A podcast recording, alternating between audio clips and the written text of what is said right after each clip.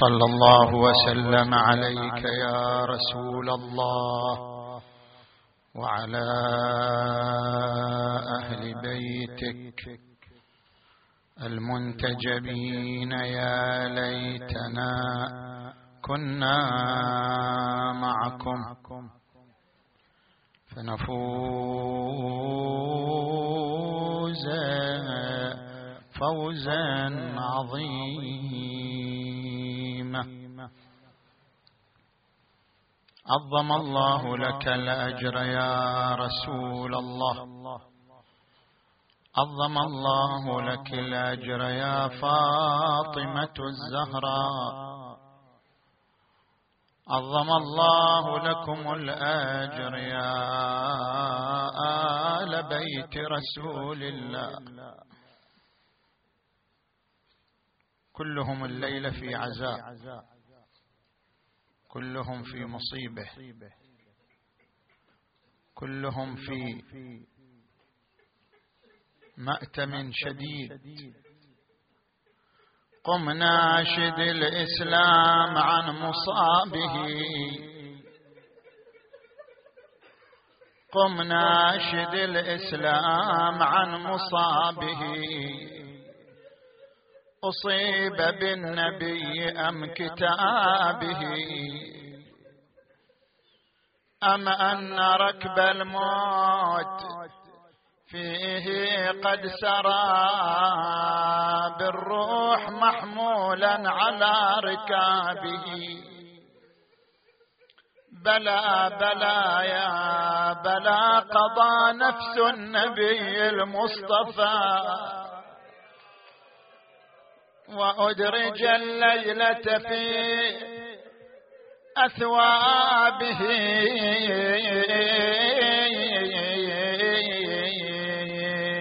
عاش غريبا بينهم.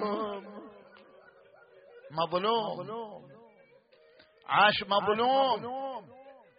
عاش غريبا بينهم وقد قضى بسيف أشقاها على اغترابه.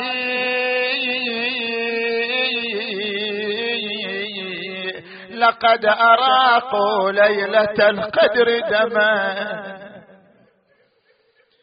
دماؤها انصببنا انصبابه تنزل الروح فوافى روحه. صاعدة شوقا إلى سوايا. يا يا يا سوايا.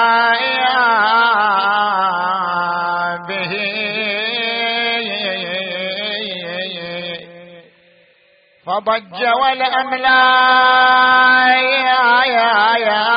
يكفيها ضجته منها يقشعر الكون فيها.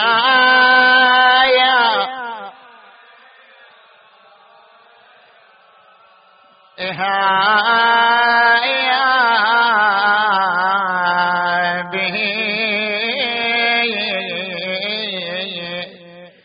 وانقلب الإسلام.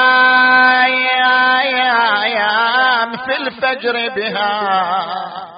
إيه والله للحشر إعوالا على مصايا. آية آية. مصايا.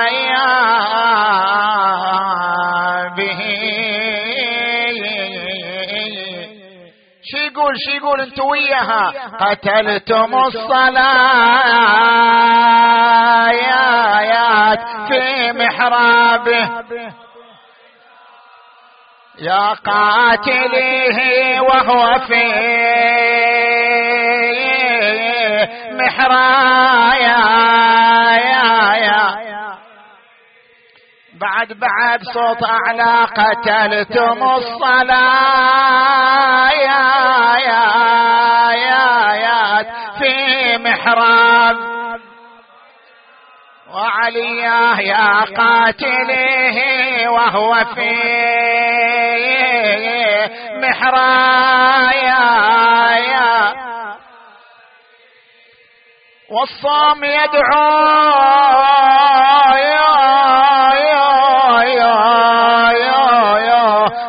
كل يوم يا قد نضحوا دمي على يا يا يا يا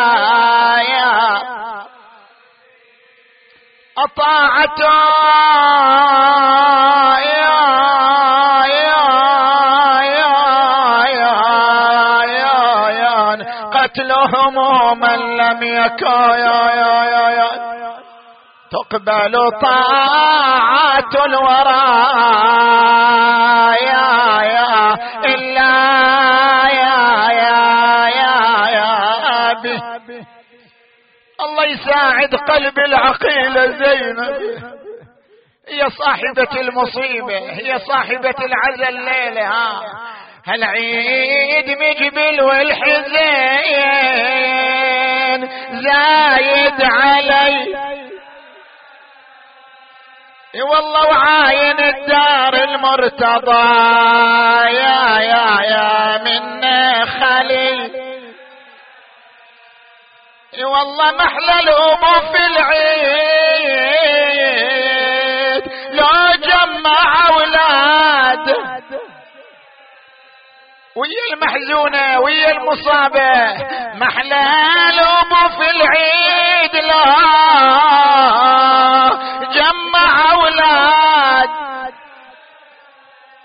ولبسهم الزينة على يا يا يا جاري العادة. ورفراف عليهم بالهنا. طير السحاب يطيب القلب وتصير عيشتهم هنية. يا يا وانتو يا زينب شنو أحوالكم اليوم؟ وإحنا أبونا قبر عيد بتسعتي. سافر وخلانا. يا يا يا. وصرنا بعد هيتا. يا يا. وعيادنا راحت. وصار العيد بالشام. بكر الناس معيدة يا يا وإحنا بعزيز. أعوذ بالله من الشيطان الغوي الرجيم. تقدموا أيضا شوية. اخطوا الآخرين مجال شوية. قدموا شوية شوية. مع شوية أحسن. اللهم صل على قدموا شوية نعم. أحسن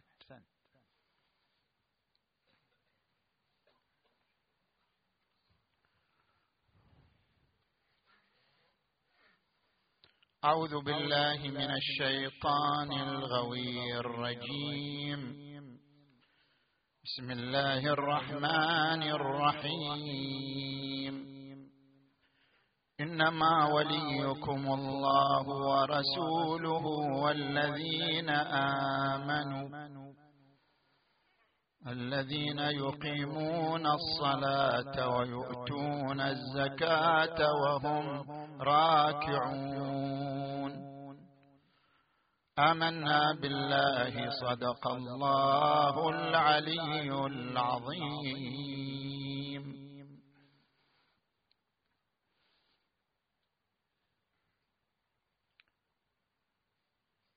ذكر الفخر الرازي عن أبي ذر الغفاري رضي الله تعالى عنه. سمعت بهاتين وإلا صمتا ورأيت بهاتين وإلا عميتا. رسول الله صلى الله عليه وآله وهو يقول علي قائد البررة علي قاتل الفجرة. منصور من نصره مخذول من خذله. وذلك إن سائلا أتى مسجد رسول الله فلم يكن عند الرسول ما يعطيه. فأومأ إليه علي بخنصره وهو راكع وكان في خنصره خاتم له. فأخذه الفقير واشترى بثمنه طعاما له. فلما بلغ ذلك رسول الله صلى الله عليه وآله رفع يديه قائلا اللهم إن أخي موسى سألك قال رب اشرح لي صدري ويسر لي أمري واحلل عقدة من لساني يفقه قولي واجعل لي وزيرا من أهلي هارون أخي اشدد به أزري وأشركه في أمري. فانزلت عليه سنشد عضدك بأخيك ونجعل لكما سلطانا.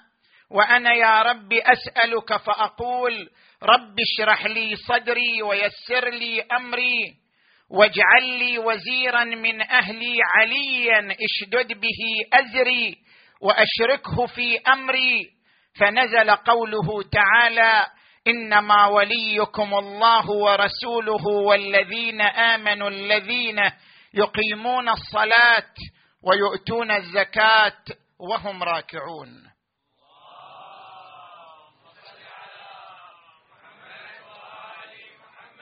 عندما نريد أن نتحدث عن القيادة العلوية فنحن نتحدث في محورين في مفهوم القيادة في علم الاجتماع وفي ملامح القيادة في شخصية الإمام أمير المؤمنين علي عليه السلام.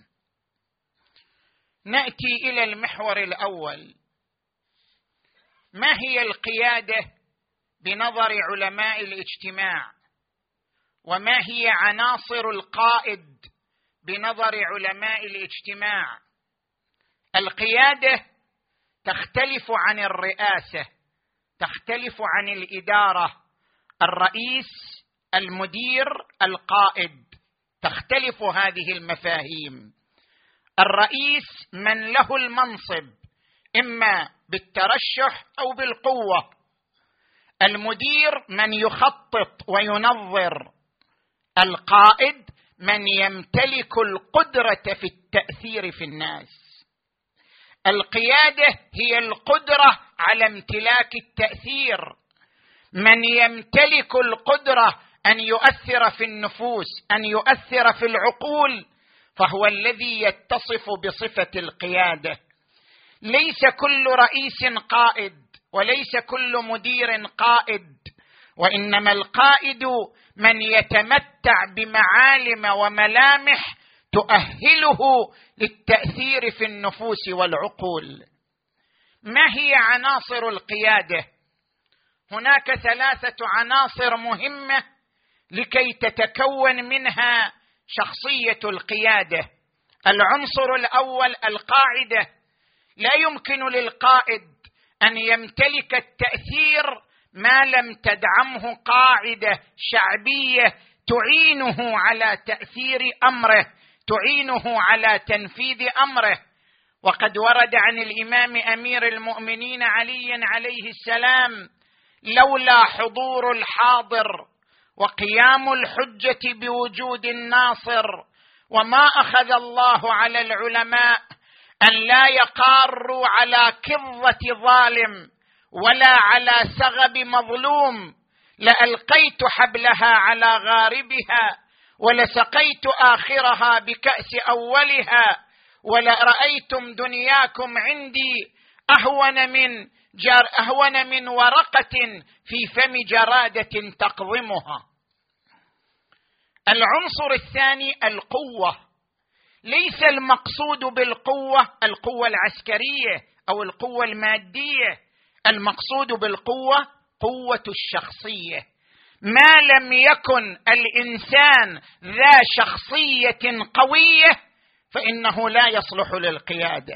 القيادة تفتقر إلى قوة الشخصية.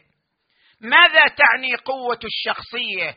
بنظر علماء الاجتماع إذا ترجع إلى مجلة عالم المعرفة عدد 176 أو ترجع إلى كتاب السلوك التنظيمي للدكتور عبد الله نجم في مجال علم الاجتماع هناك ثلاثة أمور دخيلة في قوة الشخصية. الأمر الأول الخبرة.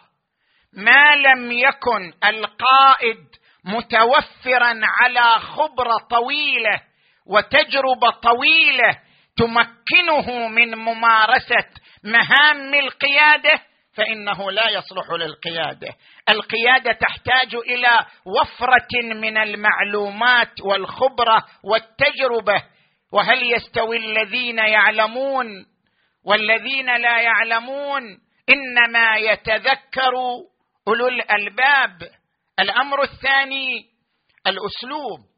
القائد من يمتلك الأسلوب الجذاب.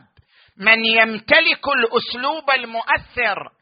من يمتلك الأسلوب الذي يستطيع به اختراق مختلف طبقات المجتمع كبارا صغارا ذكورا إناثا.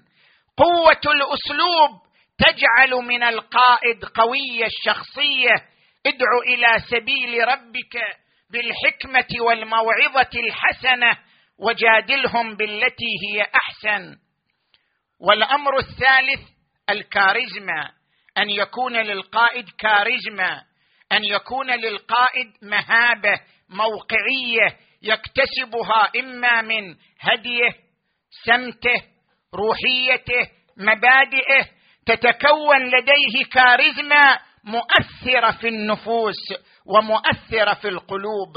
ولذلك ورد عن الإمام علي عليه السلام العالم من صدق فعله قوله وورد عنهم عليهم السلام كونوا دعاة لنا بغير ألسنتكم كونوا لنا زينا ولا تكونوا علينا شينا. نجي إلى العنصر الثالث من عناصر القيادة الموقف. طبعا هنا نظريات ثلاث في علم الاجتماع نظرية السمات. التي تقول القيادة موهبة من الله. النظرية السلوكية التي تقول القيادة ملكة اكتسابية. النظرية الثالثة القيادة موقف. كيف يعني القيادة موقف؟ القائد هو الذي يستطيع أن يسجل موقف في الأحداث. من يصدر منه الموقف الحكيم في الأحداث فهو القائد. ليست القيادة مسألة حرفية مهنية. القيادة موقف. من استطاع أن يسجل مواقف تنسجم مع الظروف تنسجم مع المحيط وتعالج الأحداث المختلفة وتعالج الأحداث المتنوعة فهو الذي يمتلك صفة القيادة. القيادة موقف. شارتز أحد علماء النفس له كتاب في الحكمة العملية يقول عقل الإنسان دماغ الإنسان فيه مئة مليار خلية عصبية. ألف مليار خلية مساعدة. تشابك الدماغ مع هذه الخلايا بعدد ذرات الكون. أي أن هذا الإنسان الصغير ذو الحجم الصغير ذو الدماغ الصغير هذا الإنسان يستطيع أن يطوي بدماغه كل هذا الكون ويستطيع بدماغه أن يسيطر على هذا الكون. أتحسب أنك جرم صغير وفيك انطوى العالم الأكبر؟ يا معشر الجن والإنس إن استطعتم أن تنفذوا من أقطار السماوات والأرض فانفذوا لا تنفذون إلا بسلطان. لكن مع هذا الدماغ مع هذا الجهاز المعقد لدى الإنسان هناك ذكاء وهناك حكمة. الذكاء لا يعني الحكمة الحكمة لا تعني الذكاء. هناك فرق بين الذكاء وبين الحكمة. الفروق بين الذكاء والحكمة ثلاثة. الفرق الأول أن الذكاء يمكن أن يكتسبه الإنسان أما الحكمة فهي هبة من الله. يؤتي الحكمة من يشاء ومن يؤتى الحكمة فقد أوتي خيرا كثيرا. الفارق الثاني الذكاء يعمل في الخير ويعمل في الشر أما الحكمة فلا تقترن إلا بالخير. أمير المؤمنين علي عليه السلام يقول والله ما معاوية بأدهى مني ولكنه يغدر ويفجر ولولا كراهية الغدر لكنت من أدهى الناس. والله إني لا أستغفل بالمكيدة ولا أستغمز بالشديدة. علي يفرق بين الذكاء وبين الحكمة. الفرق الثالث الذكاء يتألق في الأمور النظرية ولكن الحكمة تتألق في الأخلاق العملية. الحكمة أن يكون لك ثلاثة عناصر إرادة ومهارة وحسن إدارة. أن تكون لك إرادة حديدية لا تنثني عن مبادئك ولا تتراجع عن طريقك. هذا العنصر الأول. العنصر الثاني المهارة في التعامل مع الناس وكيفية كسبهم وجذبهم. والكاظمين الغيظ والعافين عن الناس والله يحب المحسنين. وحسن الإدارة أن تسجل المواقف كما ينسجم مع الظروف ومع الأوضاع المحيطة حينئذ تتجلى الحكمة وتتجلى القيادة الحقيقية. هذه كلمات حول القيادة في علم الاجتماع. نأتي إلى القيادة في نظر الإمام أمير المؤمنين علي بن أبي طالب صلوات الله وسلامه عليه. ما هي القيادة عند علي؟ ما هي ملامح القيادة في الشخصية العلوية أفضل شخصية بعد شخصية الرسول محمد؟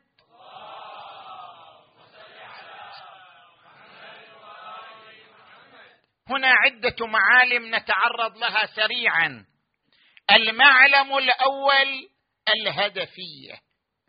القيادة عند علي ليست منصب ليست رئاسة. المنصب الرئاسة مجرد وسيلة وليس غاية. الهدف هو التضحية من أجل المبادئ هو التضحية من أجل القيم. ولذلك القائد مستعد لأن يضحي بمنصبه مستعد أن يتنازل عن منصبه من أجل من أجل أن يقدم المبادئ والقيم للمجتمع الإنساني الذي ينتظر منه هذا الموقف. الإمام أمير المؤمنين علي عليه السلام سجل هذه النقطة نقطة الهدفية. دخل عليه ابن عباس في منطقة ذي قار ورآه يصلح نعله. قاعد يصلح حذاءه قائد وقاعد يصلح حذاءه. قال يا أمير المؤمنين ما تصنع؟ قال يا ابن عباس ما قيمة هذه النعل عندكم؟ قد تسوى؟ قال لا تسوى شيئا.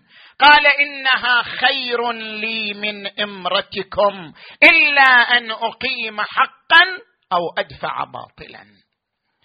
علي بن أبي طالب صلوات الله وسلامه عليه عندما بويع بالخلافة وأقبل إليه الناس قالوا لو قدمت قريش على غيرها وقدمت الأشراف على غيرهم وقدمت الوجهاء على سائر الناس حتى يستتب لك الأمر.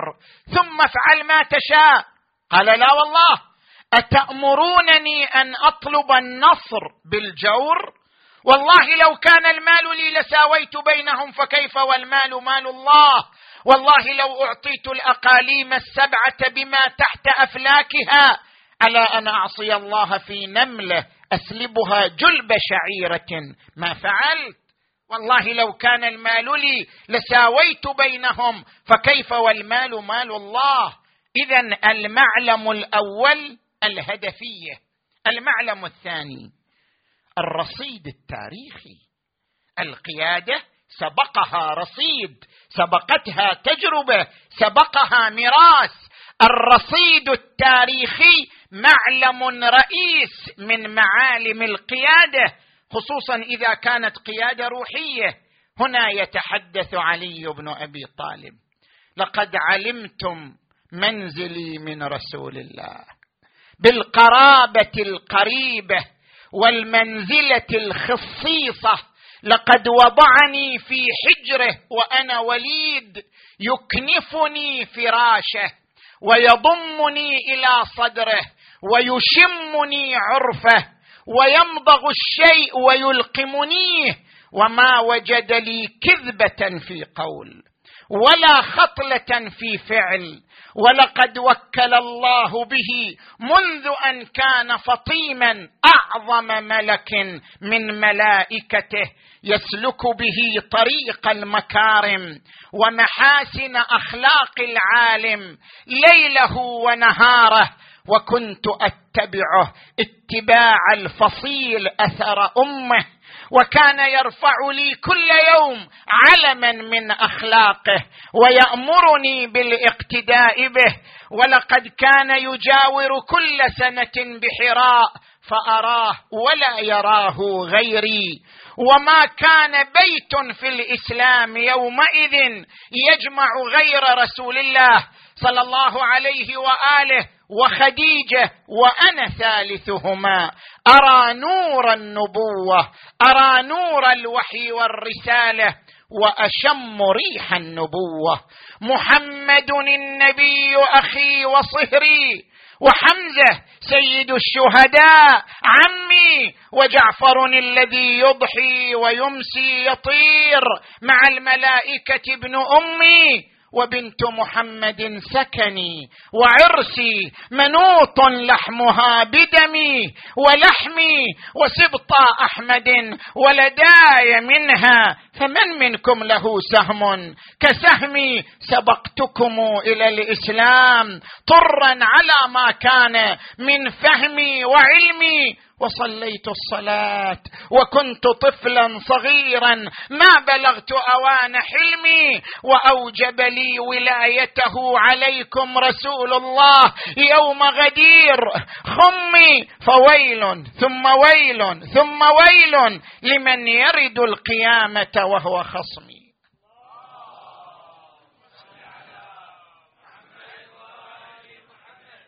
المعلم الثالث من معالم القيادة الشفافية. علي كان شفاف صريح. ليس هناك أمر مستور. ليس هناك اجتماع سري. ليس هناك اجتماع مخبى علي كل جهاز إدارته واضح لدى العامة من الناس. عندما أمسك بالخلافة قال منذ أول يوم أيها الناس إني لا أحتجز دونكم سرا إلا في حرب ولا أطوي دونكم امرا إلا في حكم وأنا لا أمنع حقا لكم عن محله ولا أقف به دون مقطعه وإنكم عندي في الحق سواء ولي عليكم حق الطاعة وإخلاص النية. شفافية مواقف واضحة منذ أول يوم. قالها وعملها وفعلها علي بن أبي طالب صلوات الله وسلامه عليه. المعلم الرابع المحاسبة. أنت عندما تقرأ كلمات ضرار بن ضمرة كان والله غزير الدمعة طويل الفكرة يحاسب نفسه إذا خلا يعلمنا أن نحاسب أنفسنا. يعلمنا أن نقسو على أنفسنا. يعلمنا أن نعنف أنفسنا. يحاسب نفسه إذا خلا ويقلب كفيه على ما مضى. علي يحاسب نفسه ويحاسب ولاته ويحاسب وكلائه علي يكتب إلى واليه على البصرة. لقد بلغني أن بعض فتية أهل البصرة دعوك إلى مأدبة حتى المأدبة يحاسب عليها. دعوك إلى مأدبة فأسرعت إليها. تستطاب لك الألوان وتنقل إليك الجفان. وما كنت أظن أنك تجيب إلى مأدبة قوم عائلهم مجفو. وغنيهم مدعو. فقراهم مهملين واغنياهم مقربين. وما ظننت أنك تجيب إلى مأدبة قوم عائلهم مجفو وغنيهم مدعو. فانظر إلى ما تقضم من هذا المقضم. فما اشتبه عليك علمه فالفظه وما استيقنت بطيب وجهه فنل منه. وكتب إلى وزير آخر وال آخر بلغني أنك تجرد الأرض. تجرد الأرض عن تأكل كل شيء. صار عنده منصب صار يأكل كل شيء. بلغني أنك تجرد الأرض فتأكل ما بين يديك وتأخذ ما تحت قدميك. فإذا وصلك كتابي هذا فارفع إلي حسابك واعلم أن حساب الله أشد واخزع مبدأ المحاسبة الشديدة كان يقوم به الإمام أمير المؤمنين علي عليه السلام مع ولاته مع وكلائه وهذا معلم مهم من معالم القيادة. المعلم الخامس من هذه المعالم التي كان يقوم بها الإمام علي القرار الجمعي المشاورة. علي لا يحتاج إلى المشاورة لكن ليعلمنا أن القيادة ترتكز على مبدأ المشاورة. ورد عنه عليه السلام أعقل الناس من جمع عقول الناس إليه. أي منصب تصل إليه؟ أنت اي منصب تصل إليه مدير شركة رئيس مؤسسة ما أدري مسؤول عن لجنة ما أدري مسؤول عن مأتم وكيل عالم إمام مسجد اي منصب تصل إليه. اعتمد على عقول الآخرين. استفد من تجارب الآخرين. أن يكون مسيرتك مسيرة المشورة والاستفادة من التجربة وتلاقح العقول. علي بن أبي طالب. يكتب إلى مالك الأشتر. انظر إلى من كان للأشرار قبلك وزيرا فلا يكونن بطانة لك. واحد كان وزير للأشرار لاتخذ بطانة. فلا يكونن بطانة لك فإنه شركهم في الإثم أعوان الأثمة إخوان الظلمة. وأكثر مجالسة العلماء ومناقشة الحكماء في تثبيت ما ينتظم به أمر صلاح بلادك واستقامة ما قام عليه أمر الناس من قبلك. اذا اعتمد على العقول الأخرى اعتمد على القرار الجمعي. المعلم الأخير الذي أريد أن أتعرض إليه الحس الاجتماعي. لم يكن علي انانيا لا يفكر إلا في بطنه أو جيبه أو شخصيته أو حرمته أو موقعيته. لم يكن علي يعيش عشلة عيشة انعزالية عن مجتمعه. علي كان ضميرا حيا بآلام مجتمعه. علي كان يتفقد الفقراء والمحتاجين. علي كان يحمل جراب الطعام على ظهره يدور به على فقراء المدينة والكوفة. يقول, يقول هارون بن عنترة لما وصل علي إلى الكوفة خليفة دخلت عليه وإذا هو جالس على حصير وبتلك الهيئة المتواضعة قلت يا أمير المؤمنين لماذا تفعل بنفسك هكذا؟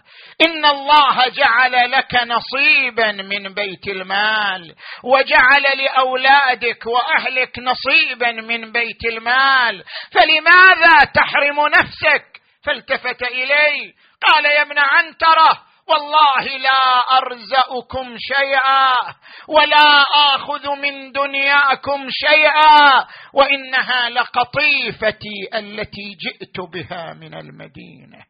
نفس قميصي جئت به من المدينة أعود به وإنها لقطيفتي التي جئت بها من المدينة ولو شئت لاهتديت الطريق إلى مصفى هذا العسل ولباب هذا القمح ونسائج هذا القز ولكن هيهات أن يغلبني هواي أو يقودني جشعي إلى تخير الأطعمة ولا لعل باليمامة أو الحجاز من لا عهد له بالشبع ولا طمع له بالقرص. أأبيت مبطانا وحولي بطون غرثا وأكباد حراء أأقنع من نفسي أن يقال لي أمير المؤمنين. ولا أشاركهم في مكاره الدهر. وحسبك داء أن تبيت ببطنة. وحولك أكباد تحن إلى القد. هكذا كان علي بن أبي طالب هكذا كان أمير المؤمنين وأما محرابه وصلاته وعبادته فلم يكن له نظير بين الناس. زين العابدين علي عليه السلام وهو سيد الساجدين. يقول لولده الباقر بني ناولني صحيفة أعمال جدي. أمير المؤمنين كي أقتدي به. فيناوله الصحيفة فيبكي ويبكي. ويقول من يقدر على عبادتك يا أمير المؤمنين. الله أكبر يا علي. الله أكبر يا ابن أبي طالب. ولذلك عندما يقول ضرار ولقد رأيته ليلة من ليالي. ماثلا في محرابه قابضا على شيبته يتململ تململ السليم ويؤن يؤن أنين الثكلى ويقول إليك يا دنيا غري غيري إلي تشوفت أم إلي تطلعت؟ لقد بنتك ثلاثا الليلة ليله عظيمه ما أقدر بعد أقول لك أكثر ها ليلة عزاء ليلة مصيبة الليلة بنو هاشم في مصيبة. أنتوا الليلة جايين تعظموا لهم الأجر أنتوا الليلة جايين تواسون زينب تواسون ام كلثوم حسن حسين أبا الفاضل محمد بن الحنفية. يا آل بيت النبي عظم الله لكم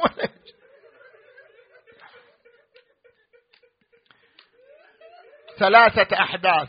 حدثت من البارحة إلى اليوم. ليلة عشرين ويوم عشرين. ثلاثة أحداث أذكرها لك. ها الحدث الأول. يقول الحسن أتيت إلى أبي بقعب من لبن فشرب منه قليلا. ثم قال خذوه إلى أسيركم.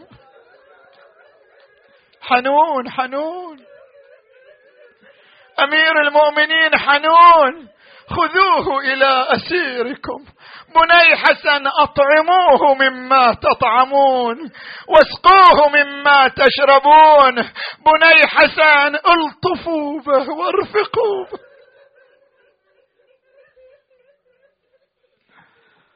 الله أكبر يا أمير المؤمنين. إن أنا بقيت فأنا أولى بالعفو. وإن مت فأنت ولي الدم بعدي. إنما هي ضربة بضربة. ولا تمثلوا بالرجل. فلقد سمعت رسول الله يقول إياكم والمثلة ولو بالكلب العقور. يا أبا الحسن بعد الحدث الآخر ها لما حان وقت الصلاة. علي يحب الصلاة يعشق الصلاة. شلون حين وقت الصلاة؟ وإذا به يقول بني حسن أنزلوني عن سريري. تدري هذا بطل عظيم. داحي باب خيبر. أمسك الحسن بيمينه أمسك الحسين بشماله أنزلوه من سريره. توضا وصار يصلي من جلوس. يغشى عليه تارة ويفيق أخرى وهو يقول رفقا بي ملائكة ربي. وعليا. بعد الحدث الثالث ها؟ وإذا الناس تجمهرت على باب علي كل يقول أريد أن ترى حبيبي. أريد أن أرى مولاي أمير المؤمنين. دخل الناس فرادى زرافات وهو يقول سلوني قبل أن تفقدوني. سلوني قبل أن تفقدوني. والحسن يقول سلوه وخففوا عليه المسألة. دخل ابن عباس سأله ست وأربعين مسألة فأجاب عنها. ثم خرج الناس من عند والمساكين على باب بيته ينادون وابتا.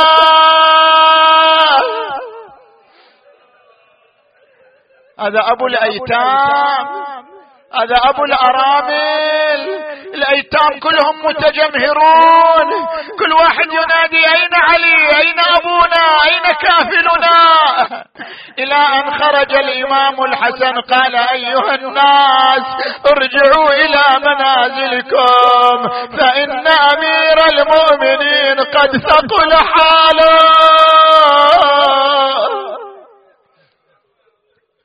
الأصبغ بن نبات واقف. واقف واقف على الباب ما مشى. قال يا اصبغ لماذا لم تمشي؟ قال لا تطاوعني رجلاي.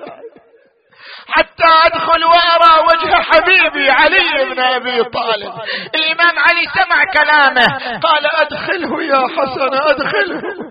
يقول فأدخلني عليه. فلما رأيته معصبا بعصابة صفراء. والله ما أدري العصابة أشد صفرة من وجهه أم وجهه أشد صفرة من العصابة. فانتحبت باكيا. قال يا إصبغ لا تبكي. لا تبكي. إنها والله الجنه قلت ما بكيت لك ولكن أبكي على فراقك. عظم الله أجوركم. فلما اشتد عليه الامر وتغير لونه. واصفر وجهه. اجتمع أهل بيته إلى جانبه. يا شيع يا موالين التفت إليهم بني حسن بني حسين. أوصيكما بتقوى الله في السر والعلانية وأن لا تبغي الدنيا وإن بغتكما. كونا للظالم خصما وللمظلوم عونا. يا حسن يا حسين أوصيكم وجميع ولدي وأهل بيتي بالتقوى ونظم أموركم وصلاح ذات بينكم. فلقد قال رسول الله صلى الله عليه وآله إصلاح ذات البين أفضل من عامة الصلاة والصيام. عظم الله أجوركم.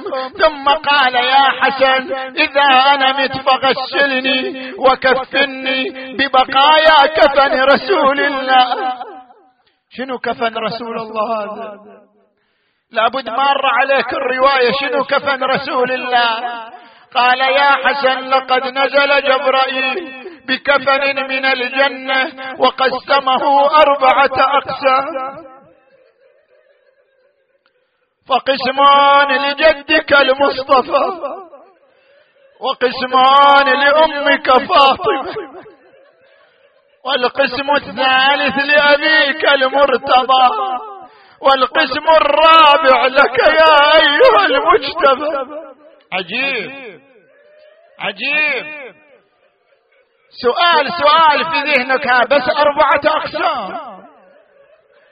كأن زينب تسأله أبا قطعت قلبي. أبا تقول الكفن أربعة أقسام. حبيبي أبو عبد الله أليس له كفان أبو علي أليس له كفان قال بني كأني أرى صريعا عظم الله أجوركم وكأني بالفتن وقد خرجت عليكم. من ها هنا وها هنا. أما أنت يا أبا محمد فتموت مسموما مظلوما. وأما أنت يا أبا عبد الله فشهيد هذه الأمة تذبح ذبح الشاة من قفاك. قد شانا ظمآنا بعد بعد. واما انت يا زينب.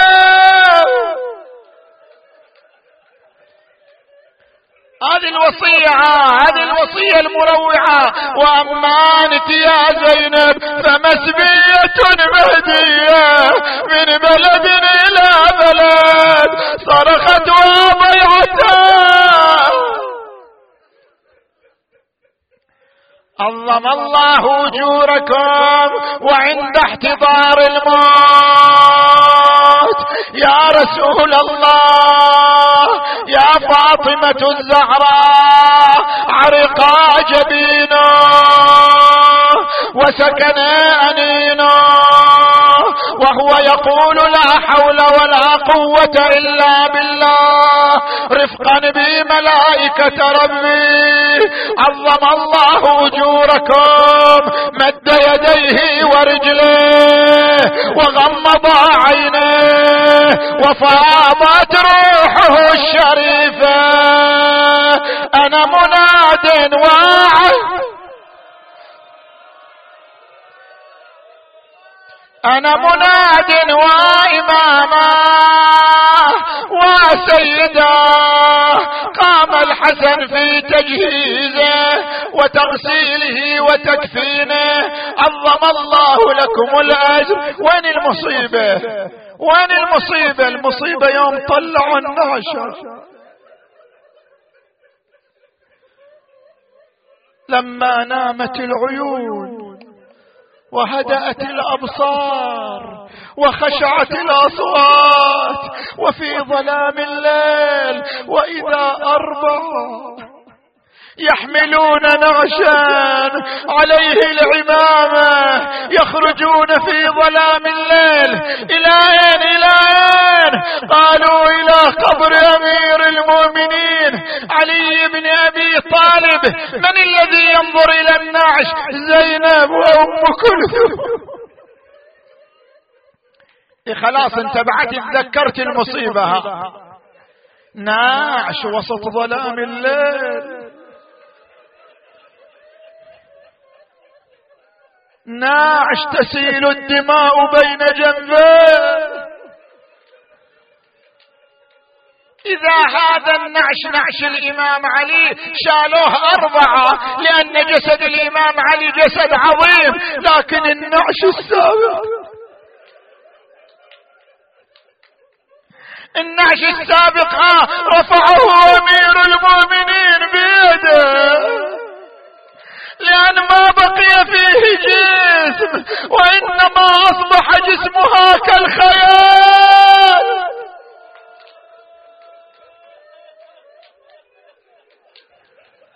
هذا النعش ذكر زينب بذاك النعش. هذه المصيبة ذكرت زينب تلك المصيبة. لكن بعد دفن الزهراء رجع علي إلى البيت.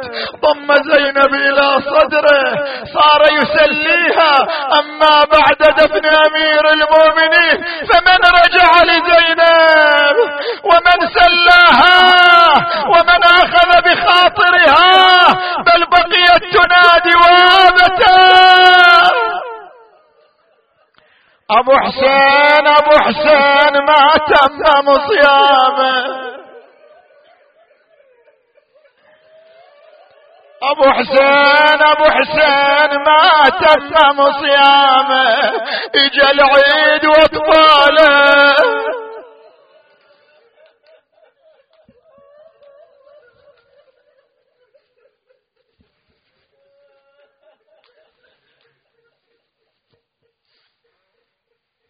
يا الله.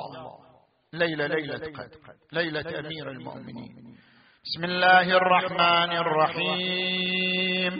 أمن يجيب المضطر إذا دعاه ويكشف السوء. أمن يجيب المضطر إذا دعاه ويكشف السوء. أمن يجيب المضطر إذا دعاه ويكشف السوء. أمن يجيب المضطر إذا دعاه ويكشف السوء. أمن يجيب المضطر إذا دعاه ويكشف السوء. يا الله يا الله يا الله يا الله يا الله يا الله يا الله يا الله يا الله يا الله يا الله بعلي بعلي بعلي بعلي بعلي بعلي بعلي بعلي بعلي. اللهم اغفر ذنوبنا وتقبل أعمالنا وسهل أمورنا واقض حوائجنا واشف مرضانا ومرضى المؤمنين والمؤمنات. اللهم صل على محمد وآل محمد. اللهم كن لوليك الحجة ابن الحسن صلواتك عليه وعلى آبائه في هذه الساعة وفي كل ساعة وليا وحافظا وقائدا وناصرا ودليلا وعينا. حتى تسكنه أرضك طوعا وتمتعه فيها طويلا. برحمتك يا أرحم الراحمين. وإلى أرواح أمواتكم وأموات المؤمنين والمؤمنات. الفاتحة تسبقها الصلوات.